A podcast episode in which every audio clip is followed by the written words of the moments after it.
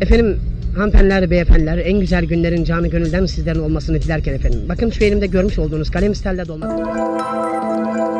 Özge hoş geldin. Tamam. Hoş bulduk. Kolay gelsin. İyi yayınlar. Nasılsın? Çok sağ ol. İyiyim. Sen nasılsın? İyi misin? İyiyim. İşte home office halleri bildiğin gibi klasik. Ee, son dönemlerde böyle yavaş yavaş da alışmaya çalışıyoruz. Alışacağız mı alışmayacağız mı onu da bilmiyorum da ee, bakalım böyle herkes merakla. Siz de bu arada evde çalışıyorsunuz herhalde değil mi bu arada? Şey, Evet. Ben ofise gitmiyorum artık. Yani avukatların çoğu neredeyse gitmiyor diyebilirim. Ama acil işler hala devam ediyor.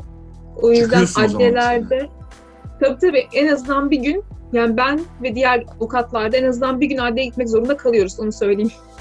en az ya Bu haftada bir gün adliyeler- falan gidiyorsunuz o zaman değil mi adliye? Tabii tabii. Evet. Üstelik adliyelerde koronavirüsü test edilen memurlar ve hakimler de var.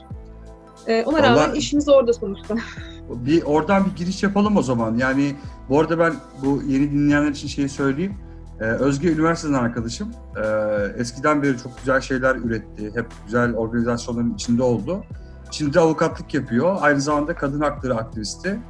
Ee, ve şimdi de işte bu korona virüsü hikayesinin kadın hakları ve kadın cinayetleriyle ilgili ne noktaya geldiğiyle alakalı bu ikisinin paralelinde bir sohbet gerçekleştirmeye çalışacağız.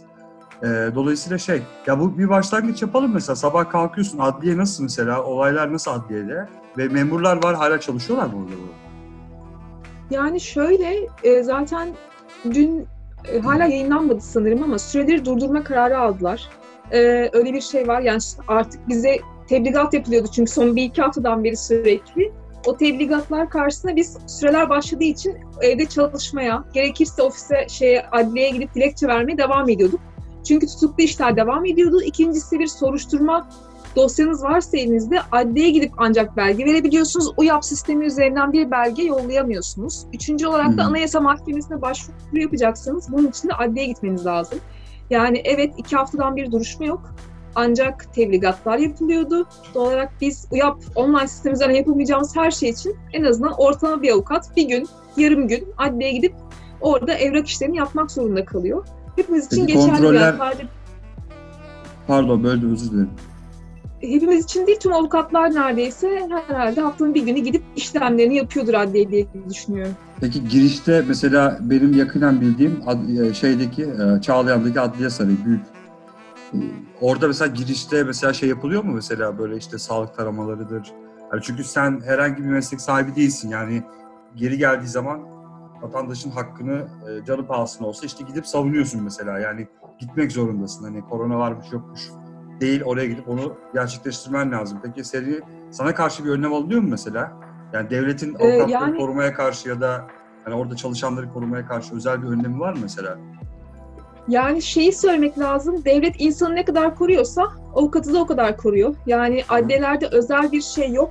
Ee, bir ateş ölçümü zaten en çok onu görüyoruz. Önlem olarak ateş ölçümü yapılıyor herhangi bir yere girdiğinizde. Ee, adliyede bir ateş ölçümü yok. Ha, Şunlar var, en azından dezenfekte için çeşitli yerlere dezenfekte makineleri koymuşlar. Oradan elimizi siliyoruz. En son ben pazartesi günü gitmiştim. Bir de cuma günü gideceğim. En son nokta buydu. Ee, bu cuma gideceğim. Yani arada bir şey olduysa ben kaçırdıysam bilmiyorum ama e, yani zaten Türkiye'de yaygın test değil. Test yapmam, az test yapılıyor. E, doğal avukatlara da istedikleri gibi test yapılamıyor. E, yapılsa yapılsa ateş ölçümü yapılıyordur ama adliyede onun da yapıldığını hiç duymadım. Sadece dezenfekte makineleri var. Elinizde gidip temizliyorsunuz bu kadar. Peki o davalarda şimdi bir mesela dijital mecralar, platformlarda benim kendi yaptığım meslekle de alakalı bazen böyle işte Facebook'ta, Google'da, Twitter'da, LinkedIn'de falan böyle markalarla ilgili reklam e, hareketleri oluyor. Reklam panelleri var. Belki bir lisans çok. İşte reklam panelleri var. Oralardan işte reklam veriyorsun. Ne bileyim işte para harcıyorsun falan. Şimdi bunların hepsi e, cancel ve delay şeklinde bir bildirim yaptılar. Yani siz istediğiniz kadar bizimle çalışın, bize para harcamaya çalışın. Biz e, bu koronavirüs hikayesinde bazen gecikmeler yapabiliyoruz falan gibi. Hani işte kampanyanı geciktirebiliriz mesela. Bu hakkı e, kendilerinde görüyorlar mesela. Hukukta öyle bir şey var mı mesela? Yani koronavirüs sebebiyle e, davalarınız gecikebilir falan gibi bir hikaye var mı? Zaten yeterince uzun oluyor bazı davalar da. Öyle bir ekstrem Yani bir durum var mı mesela? Tutuklu işler dışında herhangi bir dava zaten şu anda görülmüyor. Hı. Ee, yani bütün ben mesela iki hafta çok yoğun duruşmalarım vardı. Hiçbir mahkemeye ben duruşmaya gelmeyeceğim koronavirüsü sebebiyle demeden onlar zaten bütün duruşmaları ertelediler. HSK'nın bu yolunda bir genelgesi oldu. Ee, ama onun dışında süreli giden işler yani dün bir e, resmi gazetede bir şey yayınlanacağı söylendi ama bildiğim kadarıyla hala yayınlanmadı. Olarak süreler durmadığı sürece bizim işlerimiz devam edecek. Mutlaka bir şekilde gidiyor olacağız. Onun dışında yani çok isterdim ki her şeyin online olabileceği bir sistem olsun. UYAP gerçekten yani bence Türkiye'de önemli bir şey UYAP üzerinden çok şey halledebiliyor olmak ama her şeyi yapamadığımız bir sistem aynı zamanda. Üstelik gün geçtikçe de avukatın oradaki belge erişimini kolaylaştırmak yerine engellemek gibi bir şey var Adalet Bakanlığı'nın da. Ee, doğal olarak biz çok isterdim yani herkes gibi online, yani birçok şey online yapıyoruz ayrı mesele ama online yapamadığımız ve adliyeye gitmek, ya adliyede AVM gibi bir şey artık neredeyse. Çağlayan'a gittim Doğru. demiştin, görmüşsündür. Evet. Ee, oradaki insanlar çalışmaya devam ediyor. Maalesef işlerimiz orada devam ediyor yani. Ya şimdi e, asıl biraz konumuza geçelim, geçmeye çalışalım. Şimdi ben biraz araştırma yaptım kendimce. Yani olanca e, böyle medya okuryazarlığı şeyimi kullanarak. Şimdi mesela bu e, kadın yani aslında erkeğin şiddeti yani demek bence daha doğru. E, ama söz konusu şiddet hikayesinde, kadına karşı olan şiddet hikayesinde e, sadece sanırım Türkiye'de bir problem yok. Ben mesela yurt dışı yabancı kaynakları da biraz inceledim. Mesela Fransa'da sanırım bir büyük problemler var bu konuda. Ee, İtalya gene ne- keza öyle. Kaldı ki yaşlı nüfusun fazla olmasına rağmen İtalya'da da bazı problemlerin olduğunu görüyorum. Mesela Türkiye'de de zaten e, problem var. Bu sadece bize özgü değil. Ama Tabii, e, tabii. işte hangimizin neresinden tutarsak kar olabileceği, nereyi hangi ayağa kaldırabilirsek e, iyi olabileceği bir hikaye. Birçok ülke bunu yaşıyor. Bu kadına karşı şiddet hikayesi bence her yerde var. E, çünkü sadece Çok bizde doğru. varmış gibi yapıyor olmak da bence çok büyük hata. Tabii Ee, tabii kesinlikle. Dolayısıyla mesela eğer bilgin varsa ki vardır şüphesiz. Yani yurt dışında hikayeler nasıl? Türkiye'de nasıl? Yani bir genel bir fotoğraf çizsem mesela Ee, yani şunu söylemek gerek, bir kere Türkiye'nin, yani biz kadına yönelik şiddetin bir toplumsal cinsiyet eşitsizliği sonucu olduğunu düşünüyoruz. Ve Türkiye'deki oranlar, yani toplumsal cinsiyet eşitsizliğinin oranına baktığınızda dünyanın çok çok üzerinde olduğunu söylemek mümkün. Dünya. Ekonomik Forumu'nun bir raporu var, her sene yayınlıyor. Türkiye örneğin 139 ülke arasında 131. sırada, Suudi Arabistan'dan bir tık ötede baktığımızda toplumsal cinsiyet eşitsizliği bakımından. Bu şuna sebep oluyor. Ee, evet dünyanın her tarafında kadına yönelik şiddet var. Bunda kuşkusuz. Ama Türkiye'de kadına yönelik şiddetin dünya ortalamasının çok üzerinde olduğunu görüyoruz. Ee, ve bunu şu yüzden yani koronaya bir şekilde önemli önemli bence korona meselesiyle birlikte bunu anıyor olmak. Çünkü Hı. biz örneğin 2019 yılında 474 kadının öldürüldüğünü tespit ettik. 2019 yılı içinde 474 kadın öldürüldü ve bunların %66'sı tanıdığı, bildiği erkekler tarafından öldürüldü. Üstelik %80'i de evde öldürüldü. Şimdi bu bizim için önemli bir veri. Çünkü kadınlar genelde tanıdığı insanlar tarafından evde öldürülüyor. hı hı, Ee, bu sadece Türkiye'de böyle değil, dünyada da böyle. Yani o, o anlamda dediğin şey çok önemli. Biz bunu sadece Türkiye için söylemiyoruz. Dünyanın her tarafında kadın cinayetinin çok yüksek olduğu Amerika'da, Meksika'da, e, yine İtalya'da örneğin. Bütün buralara baktığınızda e, oranların gerçekten kadına yönelik şiddetin hem tanıdığı erkekler tarafından hem de evde hı hı. gerçekleştirildiğini görüyoruz. Bu anlamda şeyi söylemek mümkün. Kesinlikle Türkiye'de tek başına değil, e, dünyanın her tarafında kadına yönelik şiddet var. Ama toplumsal cinsiyet eşitsizliği Türkiye'de çok yüksek oranda. Bu da cinayet sayısının çok yüksek olmasını bize gösteriyor. Bir de şunu da söylemek lazım. E, bu korona günlerinde mesela şunu gördük. İtalya'da çok yaygın, şu an en çok mücadele eden bu pandeminin, salgının en çok vücut bulduğu yer İtalya. Mesela İtalya'da şiddetle mücadele birimlerinin 24 saat çalıştırıldığı söylendi. Bunun duyurusu yapıldı. Ama mesela biz Türkiye'de korona karşısında birçok önlemin alınıyor olmasını olduğunu görüyoruz ama bunların hiçbirinde kadından bahsedilmiyor. Ee, Evet, o soracağım bir iki şey de buna bağlantılı bu arada. İtalya örneğini verecektim bu arada. Bir de Birleşmiş Milletler'in de bu e, şeyde bir notlarıma bakayım hemen. E, Katie Ray Jones diye bir e, danış şey Birleşmiş Milletler'in bu kadın şiddet kadına karşı şiddet danışma hattı gibi bir şey var sanırım. Çok detaylı bakamadım ama oranın CEO'su Katie Ron J, Roy Katie Ray Jones diye bir e, hanım şey diyor mesela seni evden atarım sokakta virüs kaparsın diye genel olarak tehditlerin son iki haftadır mesela ülkelerde genel olarak bunun üzerine yoğunlaştığı. Aynen öyle. Hani erkeğin kadına böyle işte seni evden atıyor atarım sokakta virüs kaparsın. Yani sokaktan da aslında korkutulan Tabii. eee, ve kapatılan bir kocaman bir hadise maalesef yani bu. Tabii tabii kesinlikle. Çünkü biz kadınlara evde kal, yani kadın ve erkeklere, ailelere belki evde kal diyoruz ama kadınlar zaten evde Tabii. şiddet uğruyor. Şimdi Birleşmiş Milletler'in yine e, kadın biriminin 2019 yılında bir raporu var. Değişen Dünyada Hı. Aile diye. Biz burada kadınlar için en tehlikeli yerin ev olarak belirtildiğini gördük mesela Birleşmiş Milletler raporunda. Şimdi siz kadınlara eve dön diyorsanız, evlerde kal diyorsanız birincisi kadınlar için evin tehlikeli olduğunu e, bir Hı. kere görmeniz lazım. Bunun karşısında ne yapacaksınız? Önlem almak için insanlara, kadınlara, erkeklere duyuruda bulunmanız lazım. Çeşitli hı. açıklamalar yapıyor olmanız lazım ama bizde bunun sıfır olduğunu, kimsenin kadından, kadına yönelik şiddetten bahsetmediğini, üstelik belki daha sonrasında açarız, yar, bir yargı paketi, yargı reformunun üçüncü paketi, bir infaz yasası değişikliği var. Evet, Burada evet. da üstelik kadın yönelik şiddetle ilgili bizim asla istemeyeceğimiz uygulamalar e, yapılacağı ön- yapılacağını en azından taslak üzerinden anlıyoruz. Belki onu da sonra açmak gerekir. Çünkü Tabii tabii biz iyi. tam tersi e, kadın yönelik şiddetin aslında cezasızlıkla sonuçlanacağı bir döneme giriyoruz. Bundan Hı. onu anlıyoruz bu infaz yasası ile birlikte. E, ş- bir şey daha söyleyeyim. Biz Evet. yani ben hem kişisel bir şeyimi anlatayım hem de birkaç veriden bahsedeyim. Şimdi Kadın. Cinayetlerini Durduracağız platformu sürekli veri yayınlıyor.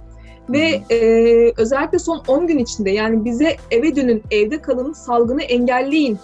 Tam e, oraya gelecektim ben de. Evet. yapıldığı dönemde Kadın Cinayetlerini Durduracağız platformu bir açıklama yaptı ve e, son 10 günde 10 kadının öldürüldüğünü söyledi. Üstelik Evet, 10 evlerinde günde- öldürüldüğünü. Doğru 10 söyledi. günde 10 kadın öldürüldüğü gibi berbat bir e, şey var, e, gerçek var. Üst üste gelmiş ama bunun mesela ben tabii bunu sen anlat ne olur. Bunu soracaktım zaten bu 10 günde 10 kadın meselesini.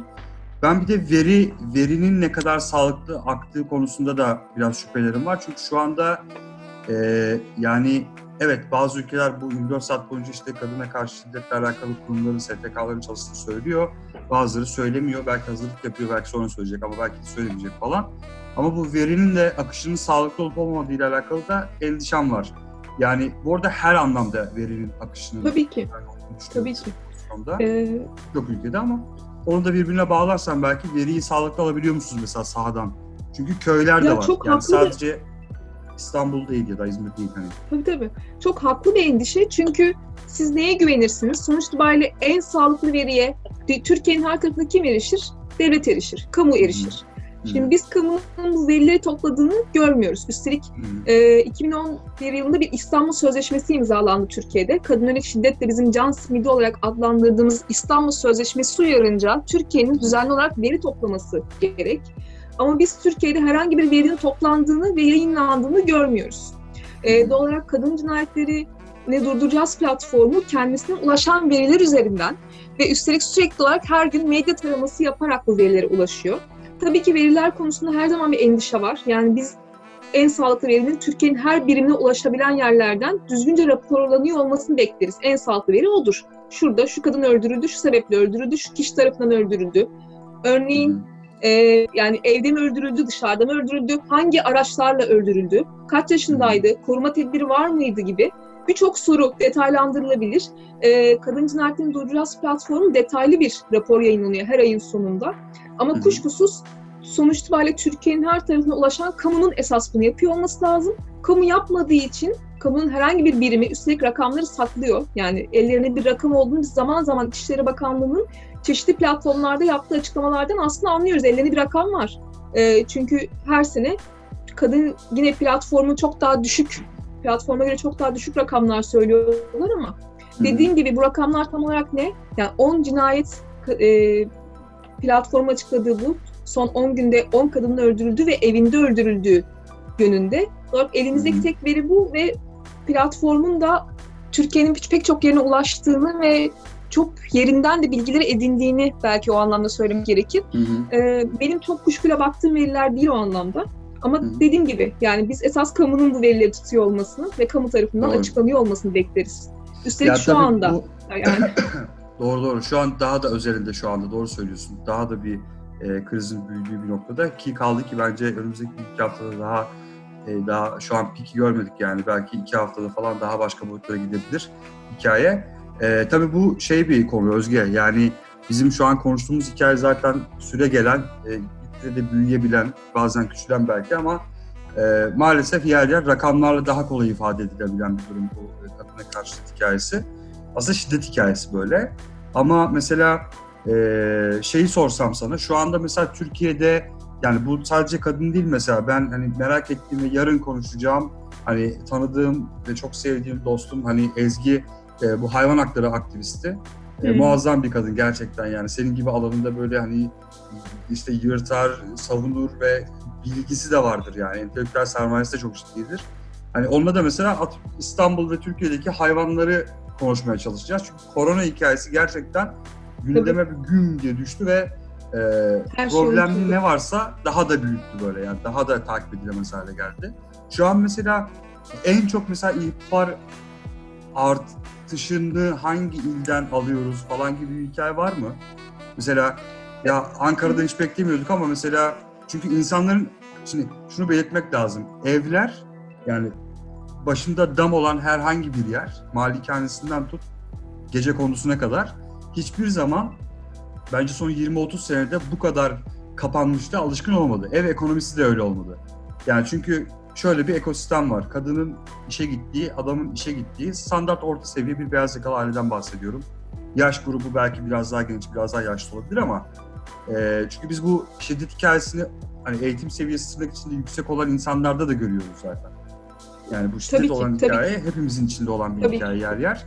Dolayısıyla şeyi ayırt etmemek lazım. Eğitim seviyesi yüksek alçak değil, yaş grubu yüksek alçak değil. Kesinlikle. Kesinlikle. Ama mesela eve kapandığı noktada hem ev ekonomisini de yoran bir şey. Çünkü mesela ben kendime örnek vereyim. Ben hayatımın hiçbir noktasında herhalde son 10 gündür evde kendim yapıp yediğim kadar yemek yememişimdir mesela. tabii, tabii. Sabah kalkıyorsun, öğlen yiyorsun, akşam yiyorsun ve home office hikayesi var zaten. Bazen yemeği de unutuyorsun. Aa ben yemeği unuttum diyorsun. Başka bir ekosisteme sokuyor seni falan. İşte bunlar da başka eee, şeyler yani Tabii. mücadeleler. Kesinlikle. Anlatabiliyor muyum? Dolayısıyla hani şu anki mesela il olarak baktığımız zaman en çok şiddetin yaşandığı il hangisi mesela sence? Özellikle koronadan sonra böyle bir şeyden bahsedebilir miyiz yani? Yani şöyle şunu söylemek gerek biz e, platformun tabii ki yayınladığı verilere baktığımızda aslında büyük şehirlerin çok daha şiddetin yoğun olduğu yerler olduğunu görüyoruz. Bu tabii ki şundan da olabilir. Çok daha veriler buradan çok daha fazla elimize ulaşıyor. Bununla da bağlantısı olabilir. Ama Evet. çok ne kadar çok insan varsa bir yerde toplumsal cinsiyet eşitsizliğini o kadar büyütürseniz bir toplumda e, insanların bir arada daha fazla olduğu yerlerde şiddetin de çok daha fazla ortaya çıktığını görüyoruz. Şimdi sen söylerken özellikle vurgulamak istedim. Mesela biz e, hep yangın yerine müdahale ediyoruz ya. Yani kadın Evet. cinayeti bizim için yangın yeri. Ama şimdi hemen bir adım arkasında biz kadına yönelik şiddetin yani kadınların evde bu evet öldürülmüyorlar ama öldürülmüyorlarsa şiddete uğruyorlar. Fiziksel bir şiddet Bununla birlikte cinsel bir şiddet, cinsel istismarın, çocuklara yönelik cinsel istismarın, kadınlara yönelik cinsel saldırının zaten bunlar evdeyken yaşanıyor. Çocuk istismarında da öyle. Yani akrabalar Doğru. arasında bunun çok daha yaygın olduğunu görüyoruz. evet. Peki, buna bağlantılı şunu söylemek gerek. Toplumsal cinsiyet eşitsizliğinin belki bir diğer yansıması tam da senin dediğin gibi şimdi biz hasta olduğumuzda hemen annesine koşan e, bir halkız. Yani şu anda bütün hastaların bu önleyici sağlık sistemi dediğimiz şeyin aslında Türkiye'de kadın üzerinde bir yük olarak olduğunu görüyoruz. Şu an hepimiz belki annemizin evi temizliği olmasına e, ya da evdeki kadının evi temizliği olmasına, çamaşır suyuyla, sirkeli suyla, ne bileyim her gün çamaşırların yıkanıyor olması, yemeklerin her gün yapılıyor olması, evin hijyenik tutuluyor olmasında şu an kadınlar sorumlu ev içinde. E, bu hep böyle zaten. Yani biz kadına yönelik şiddet dediğimizde bunun evdeki boyutu, bu toplumsal cinsiyet eşitsizliğinin yap- yaratmış olduğu evdeki boyutlarıyla da ilgileniyoruz. Düşünün ki şu anda kadınlar evet şid- öldürülmedi diyelim ki. Evet saldırıya, cinsel saldırıya uğramadı, tecavüze uğramadı. Evet belki fiziksel olarak darp edilmedi, vücudunun herhangi bir yeri kırılmasa dahi ev içindeki hijyenden, önleyici sağlık hizmetinden, ev içindeki işlerden sorumlu. Yani siz Evet. kadının şu an bir koronavirüsünün bir kadın üzerine yarattığı e, çok boyutlu etki sen biraz düşün isterim. Türkiye'nin Evet. hepsi, Türkiye'deki herkes biraz daha düşünsün isterim. e, doğal olarak biz kadınlar ev içindeyken bile bu yapmış olduğu iş bölümünün bir kere kadın üzerinden kaldırılmasını istiyoruz. Yani Hmm. evde kadın ve erkeğin neyse yapılan iş, neyse önleyici sağlık hizmeti dediğimiz şeyi şu an eşit bir şekilde sağlanıyor olmasını talep ediyoruz. Buradan o yüzden senin aracılığınla bir kez daha dile getirmiş olalım. Bu kadınların yükü değil, Keşke. Evet. Bu kadın ve erkeğin eşit sorumluluğu, ev içinde yaşayan herkesin eşit sorumluluğu. Ee, çocuklar da dahil olmak üzere onu söyleyeyim. Çocukların ne yapabileceği kendisine göre işlerinde bu toplumsal cinsiyet eşitliği anlamında tekrar dile getirilmesi lazım. Doğru. Ya şeyi belirtmek gerekiyor. Mesela e, demin dediğin şey doğru. Ben kendime yontarak düşünüyorum, biraz konuşuyorum. E, mesela yalnız yaşadığım dönem oldu, işte ailemle yaşadığım dönem oldu. E, gerçekten bir e, buna hani kas refleksi mi demek lazım yoksa e, yani ne kadar sen dikkat edersen et mesela o anaç anaçlık nasıl bir kelime geliyor sana bilmiyorum ama hani o anaç ifadeler, anaç refleksler e, sen karışma ben yaparımlar gerçekten yani kadın veya erkek, yani kız çocukları veya erkek çocukları üzerinde e, bir e, önünde, ön- onun önündeki geleceğe e, bir refleks olarak dönüyor mesela. Sanki aslında her şey doğasında işleyecekmiş gibi bir çocuk büyüyor ve annesi ya da babası sen bırak yapamazsın onu e, evde anne yapar falan gibi bir hikayede büyüttüğü için dolayısıyla sen bütün kodu yani senin aslında e, soyut düşündüğün zaman bir genetiğin olsun ve o genetik koda teker teker teker teker anne de baba da bence Kesinlikle. işliyor. Yani o Kesinlikle. tarafta bence bu toplumsal e, cinsiyet eşitliğinde erkeklerin zaten çok büyük bir payının Tabii, tabii. rolünün olması gerekiyor. Kadının da çok büyük bir rolün, e, rolünün ve payının Kesinlikle. olması gerekiyor. Hani şunu demek de bana biraz şey geliyor çünkü. Yani evet toplumsal cinsiyet eşitliğine e, bu arada ben bu eşitlik hikayesini biraz adaletli olmaya tercih ediyorum yer yer. Çünkü Hı hı. biraz daha böyle hani materyalist yaklaştığın zaman eşitliğin ne olduğu da sorgulanabilir. Yani eşitlik hani hangi şeyler arasında, hangi varlıklar arasında eşitlik hikayesi var. Ama adaletli olma hissi direkt olarak bence aileden geçen ve o çocuğun da büyüdüğü zaman ya da kızın büyüdüğü zaman e, aynı adaleti, gördüğü öğrenilmiş adaleti aynı şekilde olursa kızına veya çocuğuna aktardığı bir e, sistem var. Dolayısıyla erkeğe de kadına da burada kesinlikle e, eşit Kesinlikle. e, mücadele düşüyor diye düşünüyorum. Ya çok özür dileyerek iki şey söylemek istiyorum. Dediğin şey bence çok önemli. Birincisi biz hep söylüyoruz. Biz toplumsal cinsiyet eşitsizliğinin bir toplumsal sorun olduğunu düşünüyoruz. Ben en azından öyle düşünüyorum. Yani sadece bu kadının içinde bulunduğu bu vahim tablo sadece kadınlara yönelik bir sorun değil, bir toplumsal cinsiyet eşitsizliğinin sorunu. Çünkü bunun erkeğe yansıması farklı, kadına yansıması farklı. Ee, bu anlamda iki yönlü düşünmek lazım bu eşitsizliğin olumsuz yanlarını. Şimdi bununla bağlantılı bir diğer mesele. Şimdi dediğin şey çok önemli. Bence şu anlamda biz çünkü e, şunu kesinlikle iddia etmiyoruz. Yani kadınların kendi bilinci var. Kadınlar Hmm. zaten bir eşitlik sağlamışlar veya bu eşitlik için mücadele ediyorlar gibi bir varsayımımız yok. E, bu anlamda biz aslında içinde bulunurken kendimizle de yani bunu sadece dışarı yönelik söylemiyorum. Ben toplumsal cinsiyet Hı. eşitliğini sağlamak için önce kendimle. Çünkü bu kodlarla büyüyoruz. Bu kültürel belki normlarla Evet, evet büyüyoruz. tam tam Bu o kısımdan bahsediyordum bu arada. Tabii tabii. Bu toplumsal cinsiyet eşitsizliği biz doğ, doğa- doğduğumuzdan beri var ve biz bunlarla birlikte büyüdüğümüz için ben mesela kendimle bütün ilişkilerimde yani kadın erkek ilişkilerimde, annem babamın ilişkimde, kardeşimle ilişkimde bu normları gerçekten kırmak için mücadele ediyorum. Bu arada Ancak bu da ben- başka bir e, unutma söyleyeceğin şeyi yani gerçekten başka bir mücadele şeyi yani formu Kesinlikle. ve hani bir tanesi yetmiyormuş gibi zaten bir de bu var falan böyle. Aynen evet. Yani çünkü şu çok önemli. Biz şey gibi algılanıyor. Dışarıda bir şey görüyoruz ve dışarıdaki olan şeye karşı mücadele etmiyoruz. Biz hem kendimizle hem de çevremizle mücadele ediyoruz. Evet. Ee, bu anlamda bir onu söyleyeyim yani uzakta gördüğüm bir şey değil. Ben şahsen kendi hayatımda bu kendimle e, en başta hem aile ilişkilerim neyse kimle ne ilişki kuruyorsam onunla ama Hı. her şeyden önemlisi kendimle de mücadele ediyorum. Çünkü benim bu şeyleri değiştirmek gibi kendimden başlayan da bir mücadelem var. Bunun Evet, toplumsal bir yansıması da var. Şimdi Doğru. bununla beraber şeyi vurgulamak istiyorum. Şimdi e, dediğin gibi mesela biz bazen iş yapmak istediğimizde annemiz diyor ki ya olur mu sen otur ben yaparım. E, Hı hı. mesela erkek çocuklarına yönelik özellikle böyle bir şey var. Sen yemek yapma ben yaparım. Mesela ben hı. herhangi bir ailede erkeklerin hemen bulaşığa girişeyim şeyini gerçekten çok daha az gördüm. Bu nadiren olan bir şey. Ama kızdan beklersiniz, kız çocuğundan. Hadi bakalım bana yardım et, hep beraber sofrayı kuralım, bulaşığı yıkayalım deriz. Şimdi Evet. şunu demek istiyorum. Biz e, sanmayalım ki kadınların kendinden bir bilinci var. Kadınlar toplumsal cinsiyet eşitliğini sağlamış. Hayır öyle Hı değil. E, evet kadınlar şu an bu cinsiyet eşitsizliğinden doğrudan e, hedef alınan kişiler olduğu için doğrudan bu acıyı çeken, somut olarak, fiziksel olarak, cinsel olarak acı çeken insanlar olduğu için evet toplumsal olarak biz örneğin gezi direnişinde de kadınları öncü olarak görüyorduk. E, herhangi bir direnişte de kadınların öncü olduğunu görüyoruz. Hı hı. Ama kadınların kendine, yani genel olarak kadınlara baktığımızda biz kadın olarak kendi aramızda da birbirimizle e, bu cinsiyet eşitliğini sağlamak için kol kola girip birbirimize dayanışmaya çalışıyoruz. Hı hı. Şu, bunu şu yüzden söylüyorum çünkü bazen tam de annelerimizin yaptığı gibi oğlum sen otur yapma kısmı Evet. bizim müdahale etmemiz lazım. bir, Doğru. yani fark etmez bir seninle erkek olarak dönüp anne olur mu bu işi hep birlikte yapıyoruz çünkü bu iş evde biz beraber yaşıyoruz. Beraber yaşıyorsak bu işleri beraber yapacağız diye müdahale etmek gerekiyor.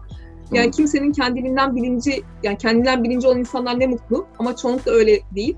Sonra dönüp devamlı hem kendimizi hem ilişkilerimizi düzeltmek gerek diye düşünüyorum. Ya sana çok böyle ilginç bir deneyimden bahsedeceğim. Yani yaklaşık uzun süre, ya burada seninle sohbet etmek çok güzel böyle uzuyor uzuyor uzasın yani her şey yolunda çok güzel olur. Bir ufak bir deneyimden Teşekkür bahsedeceğim. ederim. Bu iş, Benle de öyle. pa- sağ ol, iş böyle paylaşımlarıyla alakalı. Şimdi ben naçizane kendimce böyle yaklaşık bir 7-8 senedir falan kampçılıkla uğraşıyorum. Gittiğim çok yer oldu. İşte dağ oldu, deniz oldu, ne bileyim ova oldu falan böyle riskli yerler oldu, risksiz yerler oldu. Bak hep şunu fark ediyorum mesela Özge. Kimle gidersen git, kadın veya erkek, doğada hiçbir cinsiyet yok biliyor musun? Yani tabii ki mesela atıyorum yaşadığım deneyimi ben o deneyimi çok seviyorum mesela. Tamam şimdi mesela ev olsa arkadaşlarıma desem ki ya gelin hadi 5-10 kişi işte ne bileyim mangal yapacağız mesela. E, gelirler. Bak hiç kimse hiç kimseye bir şey söylemeden tamam mı? Tamamen kas refleks şeklinde genelde yani genellemelerde karşıyız tabii ama ağırlıkla genelde böyle kadınlar sanki böyle daha bir salatamsı, böyle daha mutfağımsı, erkekler böyle daha böyle bir etimsi falan. Nedense sanki kadın et kesemezmiş gibi falan ama böyle oluyor. Tamam böyle oluyor. Ama mesela bu doğada böyle evet değil. evet. Mesela gittin Aladağların zirvesindesin, 2000 metredesin ya da Kaz Dağları'sın, Kaz Dağları'ndasın, 2000 metredesin falan.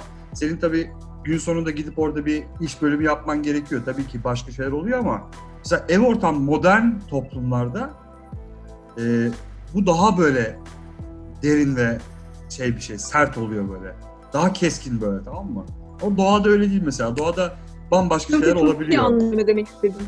Çok ilginç bir şey yani. Onu deneyimlemek. Bu arada ben o primitif olana daha yakınım yani. Biraz daha daha yakın hissediyorum kendimi. Darlanıyorum İstanbul'da falan ama. Evet öyle bir ufak deneyim Ya, var.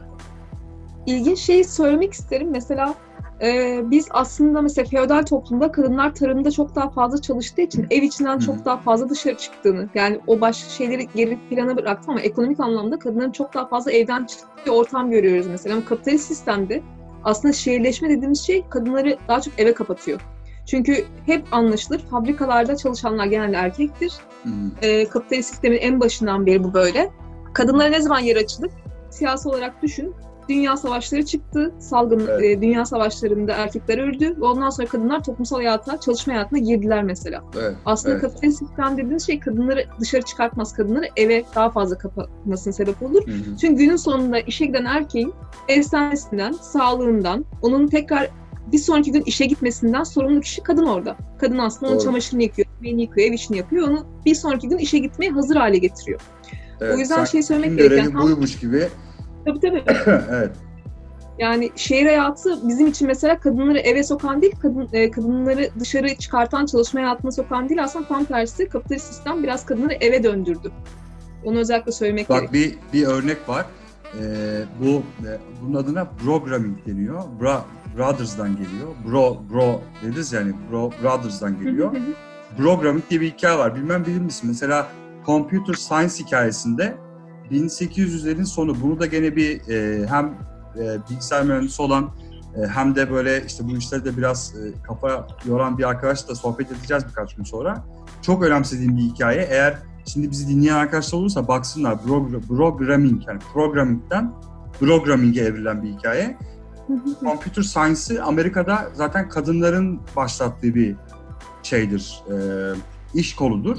Sonrasında ama o zaman çok önemsenmeyen bir iş kolu computer science hikayesi. Çünkü yani şu anki uzay teknolojisi desem mesela ya ne uzayı daha 100 sene var dedikleri hikayede o zaman da bunun üzerine ya ne kompüteri hani neyi sayıyorsun hani saymaca hikayesi vardır ya o zaman kadınların egemen olduğu bir e, şey sektörü. Ondan sonra sayıların ve e, datanın aslında veri dediğimiz şey o zaman da olan bir şey de verinin önemi arttıkça aslında yani sayılabilen şeylerin daha hızlı sayıldığı görüldükçe ben burada bir hikaye var denip e, bütün e, erkek egemen e, kol gücü, beyin gücünün bir anda böyle e, computer science bütün iş gücüne içine daldığı bir süreçtir.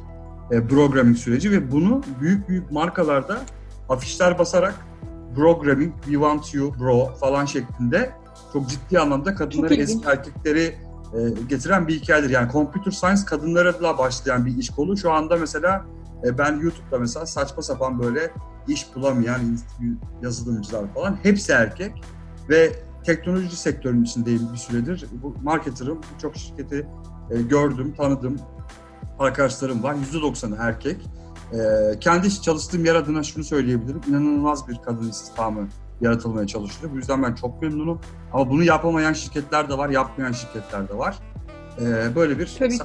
tabii. detay vermek istedim sadece. Bu programming hikayesi çok ilginç bir hikaye. Hiç bilmiyordum. Teşekkür ederim.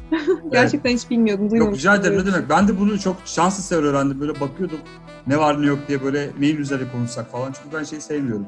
Google'da en üst sıraya çıkmak için 10 sebep falan filan falan çok saçma şeyler. O yüzden böyle daha elle tutulur hikayeler nedir diye baktığın zaman çok önemsediğim ilginç bir olay bu programming süreci. Öyle bir şey. Ee, ben de şeyi söyleyeyim ya kadınları kapitalist sistem eve kapatıyor dedim ama aklıma hemen şey geldi. Ee, ister Hı. istemez geliyor. Şimdi yine tam dediğimiz o toplumsal cinsiyet eşitsizliğiyle bağlantılı. ya. kadınlar en kötü şartlarda çalışan, dünyada böyledir. Savaş çıkar. Kadınlar mesela çok daha fazla aslında o savaşın etkilerini çok daha fazla yaşarlar. Çünkü toplumsal Evet. cinsiyet eşitsizliği bunu sebeptir. Yani konumsal olarak eşit olmayan taraf daha fazla zarara uğrar. Çocuklar için de aynı şey geçerli, göçmenler için de aynı şey geçerli. Şimdi e, bu sebeple de aslında bu kesimler çok daha fazla toplumsal tepkiyi uyandıran, çok daha fazla sokaklara çıkan. E, bunun neden böyle olduğunu söylüyoruz. Çünkü kapitalist sistem evet kadınları çok daha fazla ezdi, çok daha kötü şartlarda çalışmasına sebep oldu ama e, örneğin 8 Mart. Yani hem 8 Mart New York'ta yapılıyor olması, New York'ta yapılan eylemler hem bununla bağlantılı örneğin 1917'de Şubat devrime sebep olan kadın mücadelesi. Bunların Hı. her biri nitekim yine Fransa'da aynı dönemde yapılan eylemler. Ve bunların her birinde biz aslında kadınların herkesten önce sokağa çıktığını, üstelik sayıların 150, 100 bin, 150 bini bulduğunu vesaire görüyoruz. Ee, o anlamda şeyi söylemek lazım. Yani eşitsiz olan taraf o eşitliği sağlamak için çok daha fazla ön plana çıkıyor ve kendisini çok daha fazla öne atıyor. Bu bütün toplumsal alanlarda da böyle.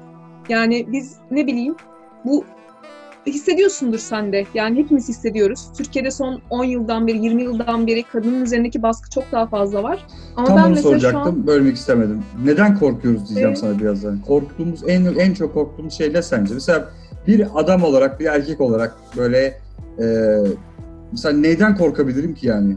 Bana onu söylesene. Ya sen bana şundan korkuyorsun de. Kişiselleştirmediğim kişiselleştirdikten söylemiyorum. Yani bir cins olarak dişinin nesinden korkulabilir mesela? Böyle bir korkum var. Çünkü bu baskı var. Yani özellikle son 10-20 yıldır sanki böyle kınından çıkmaya çalışan bir kılıç var ve o sürekli böyle zorla böyle hayır çıkmayacaksın, hayır falan şeklinde böyle bir yerinde tutulmaya çalışılıyor. Neden mesela? Niye? Bunun en temel şeyi nedir yani? Neden korkuyoruz mesela? Ya ben sana şöyle söyleyeyim. Kadının evde olduğu olmasını yani hani kadın neden dışarı çıkmasın? Dışarı çıkılmasından korkuluyor bence. Kadının iş hayatına bir şekilde dahil oluyor olmasından korkuluyor ama neden korkuluyor biliyor musun? Şimdi çok basit bir şey anlatayım. Ee, hep en başından beri söylediğim şey aslında. Şimdi sen Hı hı. normalde hasta olduğunda kime koşuyorsun? Annene koşuyorsun. Hepimiz öyle. Kız arkadaşına Bunu hep koşuyorsun, annene söylüyorsun, hep koşuyorsun. koşuyor. evet. Ee, bu şu demek, yani sen Türkiye'de önleyici bir sağlık hizmeti yapmazsan Hı. önleyici sağlık hizmetini kadının üzerine yüklersen bu en azından sana belki ayda 1000-2000 lira devlet için kar sağlıyor olmak demek. Çocuk bakımı. Şimdi sen bir bakıcıya para ver- veriyor olsan çocuğunu baktırmak için ortalama 1000-3000 lira belki bakıcıya Hı. para vereceksin ama kadının evde kalıp çocuğa bakıyor olması anneannenin, babaannenin veya annenin çoğunlukla anne aslında bakıyor Türkiye'de. Ne Hı. kadar kar olduğunu düşün devletin. Belki 1000 ile 3000 lira arasında.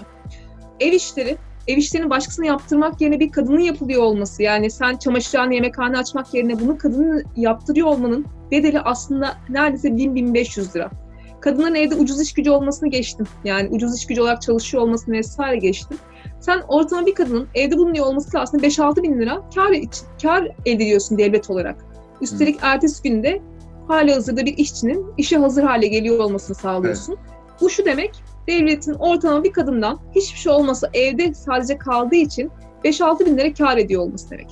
Peki sen kadın evden çıktığı Bu kadar zaman... detaylı bu arada bu boyutuyla ben hiçbir yerde de bu boyutun hesabını da görmedim bu arada. Bu kar hesabı devlet adına baktığınız zaman. İlginçmiş evet doğru. Tabii tabii. Yani sen de olarak kadını evde tutmalısın ki devlet olarak bu sağladığın karı katlayabilesin. Yani bunu detaylandırmadım bile. Yani kadının Hmm. ev işinde ekonomisini falan hiç hani kaba taslak anlatıyorum sadece. Kaba Hmm. taslak haliyle bile sen ortalama 5-6 bin lira kar içindesin.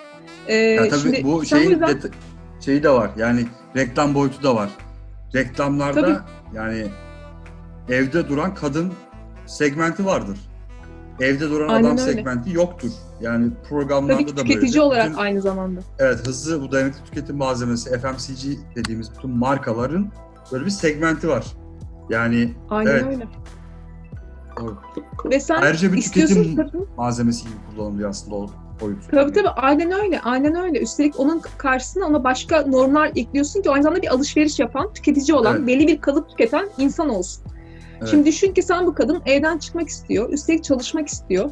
Senin aslında bir kere karının yarısı ki kadının yüzde sekseni asgari ücret alır çalışırken. Çok Hı. ciddi oranlar kadının çalışma hayatına girdiğinde karşılaştığı oranlar çok düşük. Sigortası çalıştırılıyor Hı e, ve çoğunlukla şeyin asgari ücretin altında maaş alıyorlar. Bir kere sen hem devlet olarak onun sağlığından sorumlu oluyorsun çalıştığı zaman, Hı hı. sokağa çıktığı anda. Sağlığı için bir miktar para ayırmak zorundasın. İşçisin, o işçinin çeşitli alanlarda var olması, iş güvenliğiyle ilgili başka dertlerim var.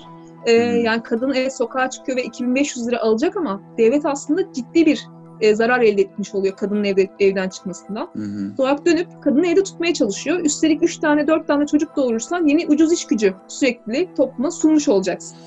Doğru. Şimdi aslında çok ekonomik bir şeyden bahsediyorum. Olarak sen kadın sokağa çıktığı anda ona şiddet uyguluyorsun veya o ekonomik çemberin içinde. Çünkü biz neden kadınları öldürüyorsun, kadınların neden öldürüldüğü sorusuna baktığımızda hep ekonomik olarak özgürlük sağlamak istedi ve benden boşanmak istedi görüyoruz. Yani evden Hı. çıkmak istedi, çalışmak istedi.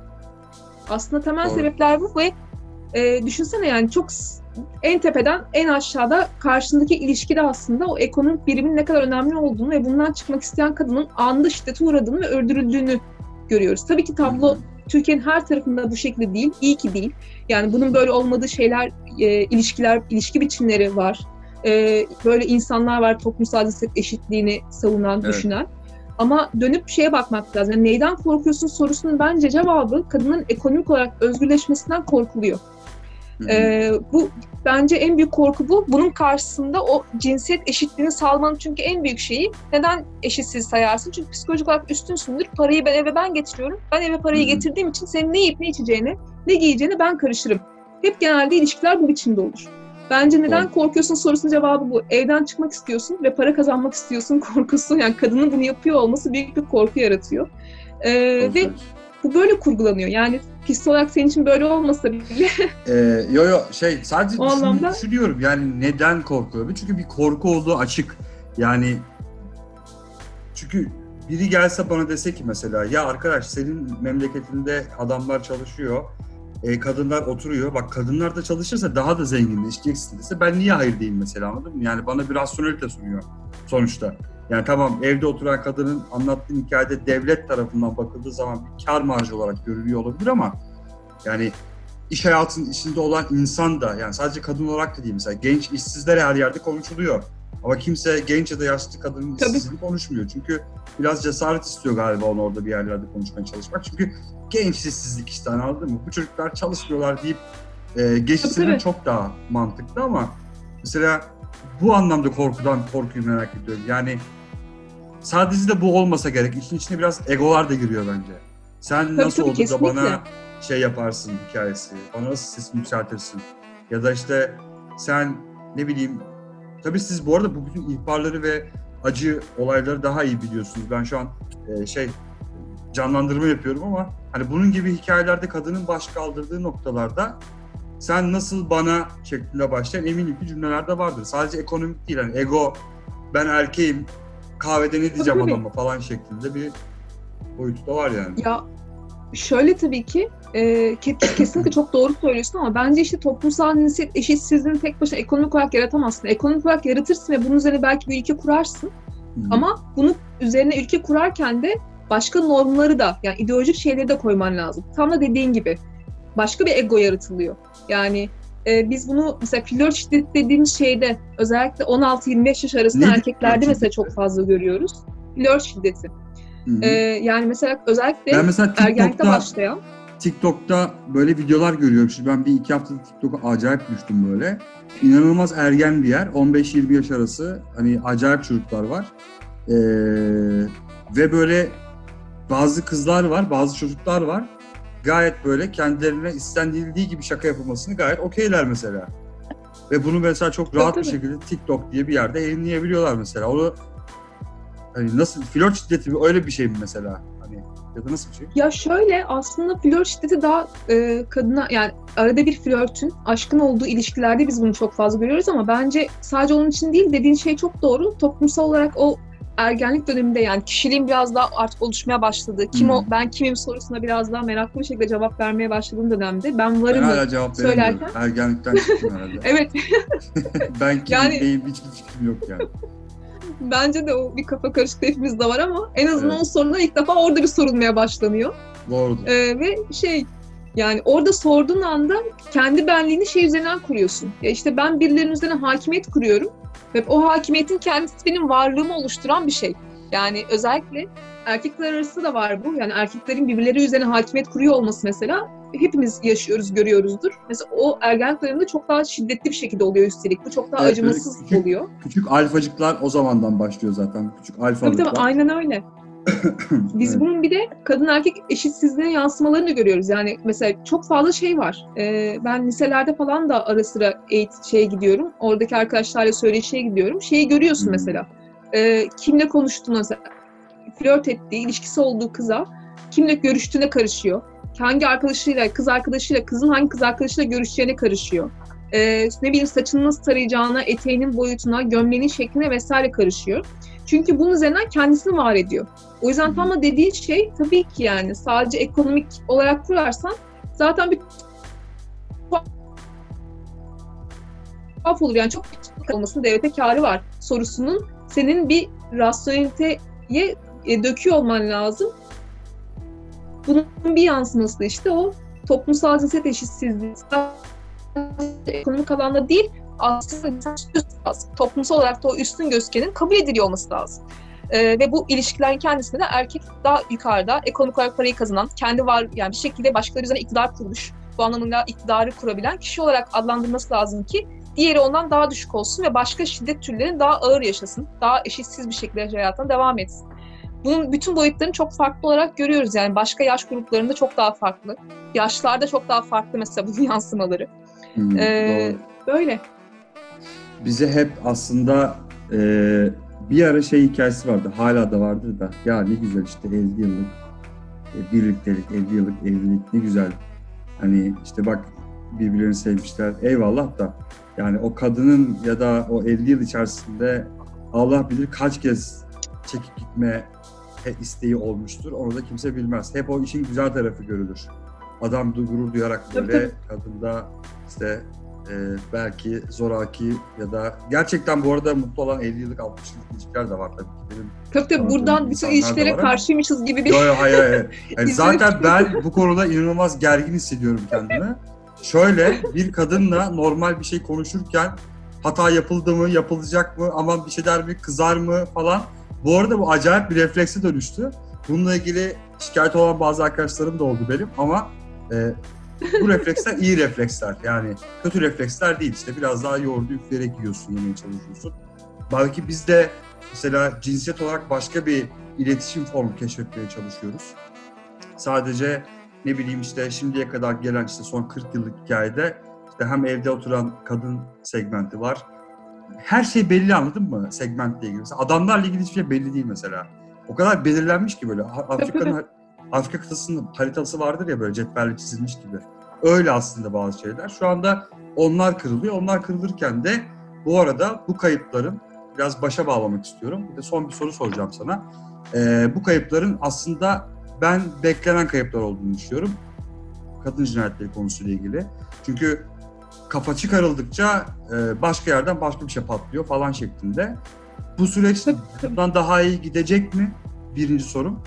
E, bundan daha iyi gidecek mi derken maalesef bu süre gelen bir şeyde e, umuyoruz ki tabii ki yani sayıların azalması Türkiye'de vesaire. Ama bir şey konu, bir şu konuda doğru söylemek gerektiğini düşünüyorum. Bu böyle gidecek gibi. Yani bu ne kadar daha azaltılabilir rakamlar, işte 2019-18 rakamları zaten var. Platformun yayınladığı. E, çok da azalıyormuş gibi değil, bilmiyorum yani az çok baktığın Tabii, zaman.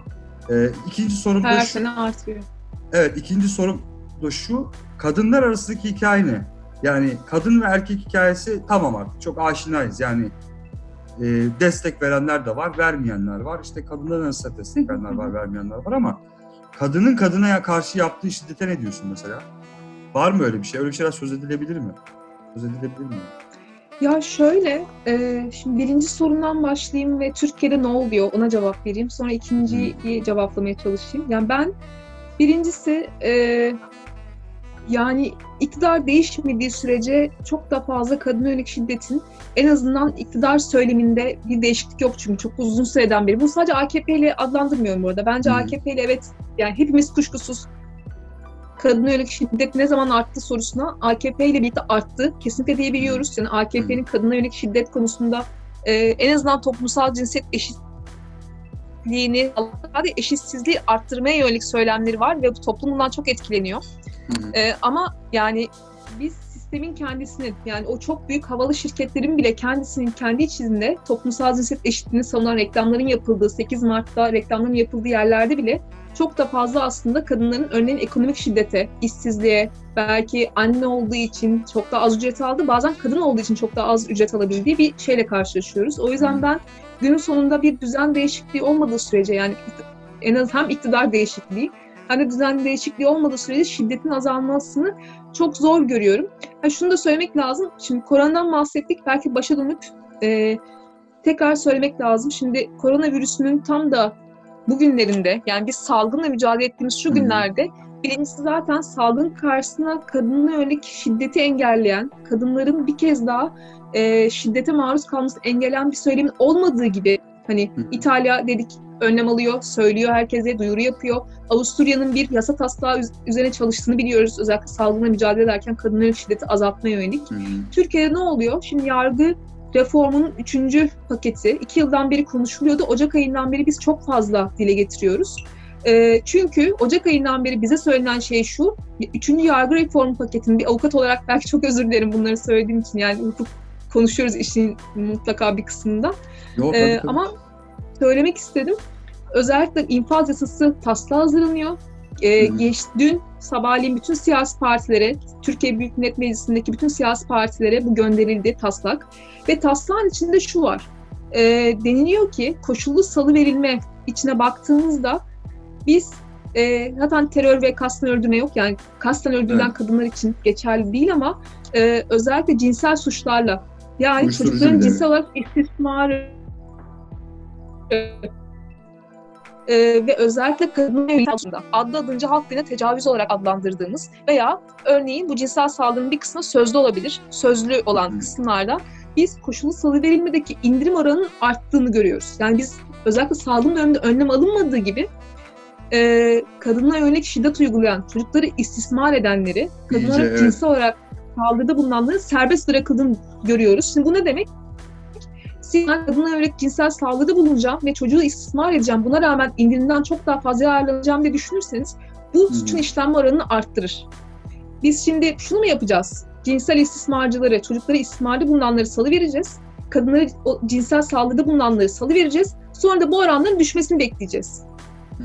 Ee, böyle olmaz. Yani bunlarla mücadele edeceksek toplumsal cinsiyet eşitsizliğiyle bir kere e, bu tarz cezasızlıkların önüne geçmek lazım. Yani biz bilmiyorum rast geldim mi birkaç günden beri sosyal medyada gerçekten çok fazla buna dair duyuru yaptık. Çok fazla yere Ben tabii tabii haber baktım bu Ee, ya maalesef şöyle bir hikaye var. Ben bu tabii bu çıkan en son e, şeye karara baktım.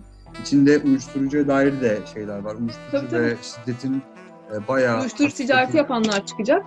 Evet evet Ee, yani çok ciddi bir hafifleme söz konusu. Ee, yani sebebini de düşünüyorum tabii ki. Yani bir devlet neden e, böyle bir şey izin verir ya da böyle hafiflemeye izin, hafifletmeye izin verir diye ben de düşünüyorum. Yani açıkçası şey çok matematik almıyor. Yani dolayısıyla rasyonel bir şey değil, ifade değil. Ee, bir yandan da işte işin içinde bir mücadele söz konusu. Sadece işte kadın ve işte çocuk hikayesi değil, bunun başka başka boyutları da var. Tabii, Ee, ev ekonomisinin çok önemli Yok şunu kesinlikle Hı hı. söyleyeyim Harun. Ben e, bir tahliye olması gerektiğini düşünüyorum. Çünkü Türkiye'nin neredeyse bir yarı açık cezaevi gibi. Yani siz Hı. herhangi bir şey muhalif paylaştığınızda içeri atılıyorsunuz. Şu an hı. Yani 375 tane hapishanede 300 bine yakın insan kalıyor. 30 kişilik koğuşlarda 45 kişi kalıyor. Bu şu demek sizin sosyal izolasyon şansınız yok cezaevinde zaten. 45 kişinin olduğu bir yerde 30 kişilik kapasitesi olan bir yerde Sanırım 45 bir cezaevinde şu anda pozitif çıktığını bugün okudum. Evet, Ee, evet. Hangisindeydi hatırlayamadım ama çok da Silvan diye hatırlıyorum. olabilir. Evet çok da bir Silvan haber bulamadım. Silvan Silvan galiba. Çok da bir haber göremedim e, devamında ama evet. Ama şeyi söylemek lazım. Yani şimdi ben aynı zamanda çok fazla gazetecinin avukatlığını yapıyorum. Ee, yani şimdi siz Türkiye'de son iki haftada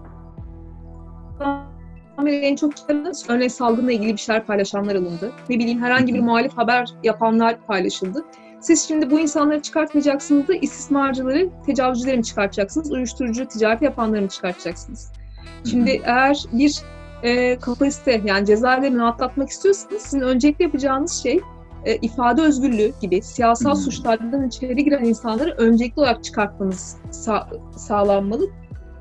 Ki Bu dünya oldu bu arada.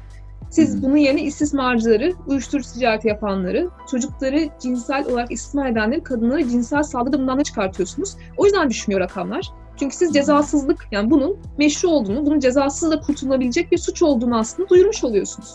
Bence birincisi bu. İkincisi peki ne yapacağız? Ee, yani bir kez daha söylemek gerek. Sadece e, hem iktidarın bir kere online, her şeyi online'e çeviriyoruz ya bugünlerde. Hı. Mesela bana ulaşan insanların şöyle endişeleri oluyor. Ben şiddet görüyorum, seni gideceğim ama orası virüsten korunuyor mu? E, çünkü hı. evde eşinden, eski eşinden neyse şiddet görüyor ve sığınma evinin virüsten korunup korunmadığını biliyor. Ben bu sorunun cevabını bilmiyorum. Toplumda kimse bilmiyor. Sığınma evlerinde şu an kadınlar virüsten nasıl korunuyor? Kapasiteleri ne kadar? Kaç kişi kalıyorlar? Sosyal izolasyon mümkün mü? Bir soru yok. Hı. Dahası bu tedbirler şu an çalışıyor mu? Teknik olarak çalıştığını biliyoruz. Yani siz gidip bir karakola, bunun için de karakola gitmeniz lazım. Bunun için savcılığa gitmeniz, adliyeye gitmeniz lazım. Valiliğe gitmeniz Dışarı lazım. çıkman lazım aslında. Tabii Evet. dışarı çıkmanız lazım. Siz evde kal dediğiniz kadın evde şiddete uğradığı için dışarı çıkıp şikayetçi olması lazım. Uzaklaşma talep edecek, sığınma evine gidecek belki ama bunları yapamıyor çünkü evde kalması gerekiyor. Evet. Buralara gittiği zaman da başta konuştuk adliyelerdeki durumu. Bir tehlike oralarda da var. Üstüne üstlük ulaşabilip bileceğinden bir şüphesi var. Bu anlamda online şeylerin yani hatların, örneğin polislerin, jandarmaların, yine 183 var, e, kadın yönelik şiddetle ilgili şiddeti önleme birimlerinin sürekli Hı hı. çalıştığının insanlara duyurulması lazım diye düşünüyorum. E, bu anlamda bunun bir de propagandasının yapılması gereken evde kalın ama şiddetle mücadele etmek için de biz sizin yanınızdayızın denmesi lazım. Bu denmediği sürece şiddet oranları artar. Biz kişisel olarak Ya kadınlar, evet, o- yani kadınların hepsi sokakta ve Hı hı.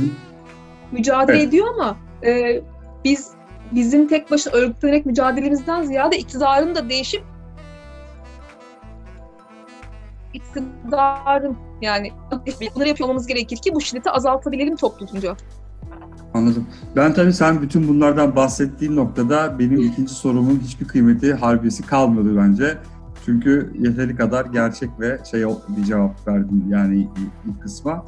Hani şey sormuştum yani kadınla kadın arasındaki ilişkiye ne diyorsun Heh, evet, evet, hikayesi. Çünkü evet. benim Pardon. e, tabii merak da ettiğim bir hikaye. Çünkü bu cinsler arası muhabbette evet yani hep bir konuşulan taraf var. e, biraz da böyle başka taraflarla ilgili ne düşünülüyor ben onu da merak ediyorum. Yani hani kadın kadın ilişkisi derken Ya şöyle. şöyle, Evet evet dinliyorum seni. e, ya bu çok güzel bir soru. Ben bu soruyu çok karşılaşıyorum. Yani çünkü çok deniyor. Ben bir e, kadınım ve benim aslında patronum da bir kadın. Ve ben buna rağmen e, aslında çok daha fazla bazen ezilebiliyorum. İşçi olarak Hı. haklarından yararlanıyorum veya mobbinge uğruyorum. İşte bu benim çok karşılaştığım bir soru. Ben de hep şunu söylüyorum. Yani biz de kadınların hepsinin toplumsal cinsiyet eşitliğini benimsemiş kişiler olduğunu düşünmememiz gerek. Yani bu toplumda hı. kimse için geçerli. Bu anlamda ben toplumsal cinsiyet eşitliğini kadın ve erkekle ayırmıyorum. İnsanlar kadın erkek olsun toplumsal cinsiyet eşitliğini biliyor ve buna göre davranıyor olabilir. Ama toplumda bunun özellikle kadınlar, şiddetin mağdur kadınlar olduğu için genelde kadınların da bu bilince sahip olduğu düşünülmemeli.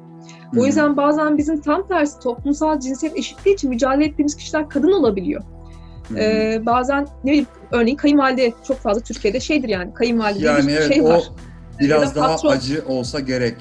Yani konunun Tabii özü tabii yani itibariyle. öyle düşünmek lazım. Doğal biz toplumun tamamıyla mücadele ediyoruz. Kadın veya erkek, bazen çocuk hiç fark etmez. Ee, ama bunun bir toplumun tamamı için mücadele olduğunu, e, bu anlamda da bazen kadınların da kadınlara yönelik şiddetin olabileceğini bilmek ve görmek lazım. Ee, ve siz şiddete uğradığınız anda yanınızdakinize, sağınıza, solunuza ve dayanışma göstererek aslında sadece bana yapılan bir şiddet değil çünkü orada bir toplumsal sorun var. O Evet. toplumsal soruna karşı bir arada karşılık veriyor olmamız lazım. Patronunuz kadın ve şiddet uğruyorsa size, mobbing yapıyorsa, ekonomik veya fiziksel olarak şiddet yapmıyor patron, kadın patronlar ki bu mümkün. Ee, o zaman bizim herkesle birlikte, kadın erkek birlikte tepki gösteriyor olmamızı ben bekliyorum. Ben açıkçası bu toplumsal e, cinsiyet eşitliği ya da adaleti konusunda ne kadar kalabalık olduğumuzu bilmiyorum. Böyle bir rakam da yoktur zaten.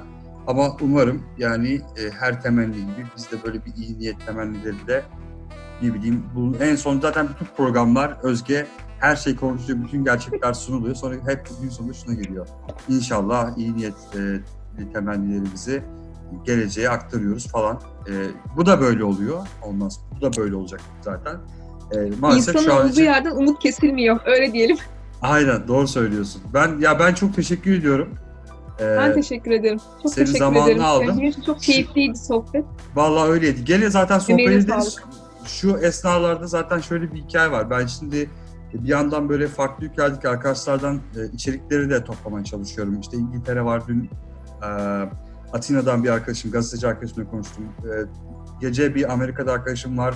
YouTube'da çalışıyor. Oradaki iş akışları nasıl etkilendi falan gibi. Bir de korona Takip hikayesinde... ediyorum. Ya sağ ol. Ee, ya böyle başladık bakalım. Güzel de gidiyor ondan sonra. E, güzel de yorumlar alıyorum. Böyle e, üretiyoruz işte biz de bir şeyler. Ya ne bileyim. Bakalım ne olacak göreceğiz. Ya dediğin gibi kapatalım. Umut insan olduğu sürece umut vardır. Evet. Sen de bu umudu büyüttüğün için biz sana teşekkür ederiz. İyi ki bugün sohbet etme, bu konuda Evet, dile getirme şansı verdin bana. İnşallah evet, Tekrar- bir yardımım dokunur, dokunmuştur. Ya da Umarım bir dokunacak. sonraki sohbetimizde başka şeyleri konuşuyor oluruz. bu Ne konular artık gerçekten. gündemimizde Benim olmuyor. daha merak ettiğim çok şey var. Ama şu anda e, kendi e, öz irademe ve öz disiplinime saygı duyarak zamanı da yönetmeye çalışarak bir sunucu olarak burada duruyorum. O yüzden kesmek istiyorum. Herkese selamlar, sevgiler. Görüşürüz. İyi bak Görüşürüz kendine. Özge. Kal. İyi bak kendine. Çok sağ ol. Görüşürüz. Efendim hanımefendiler, beyefendiler en güzel günlerin canı gönülden sizlerin olmasını dilerken efendim. Bakın şu elimde görmüş olduğunuz kalem stelle dolma kalem.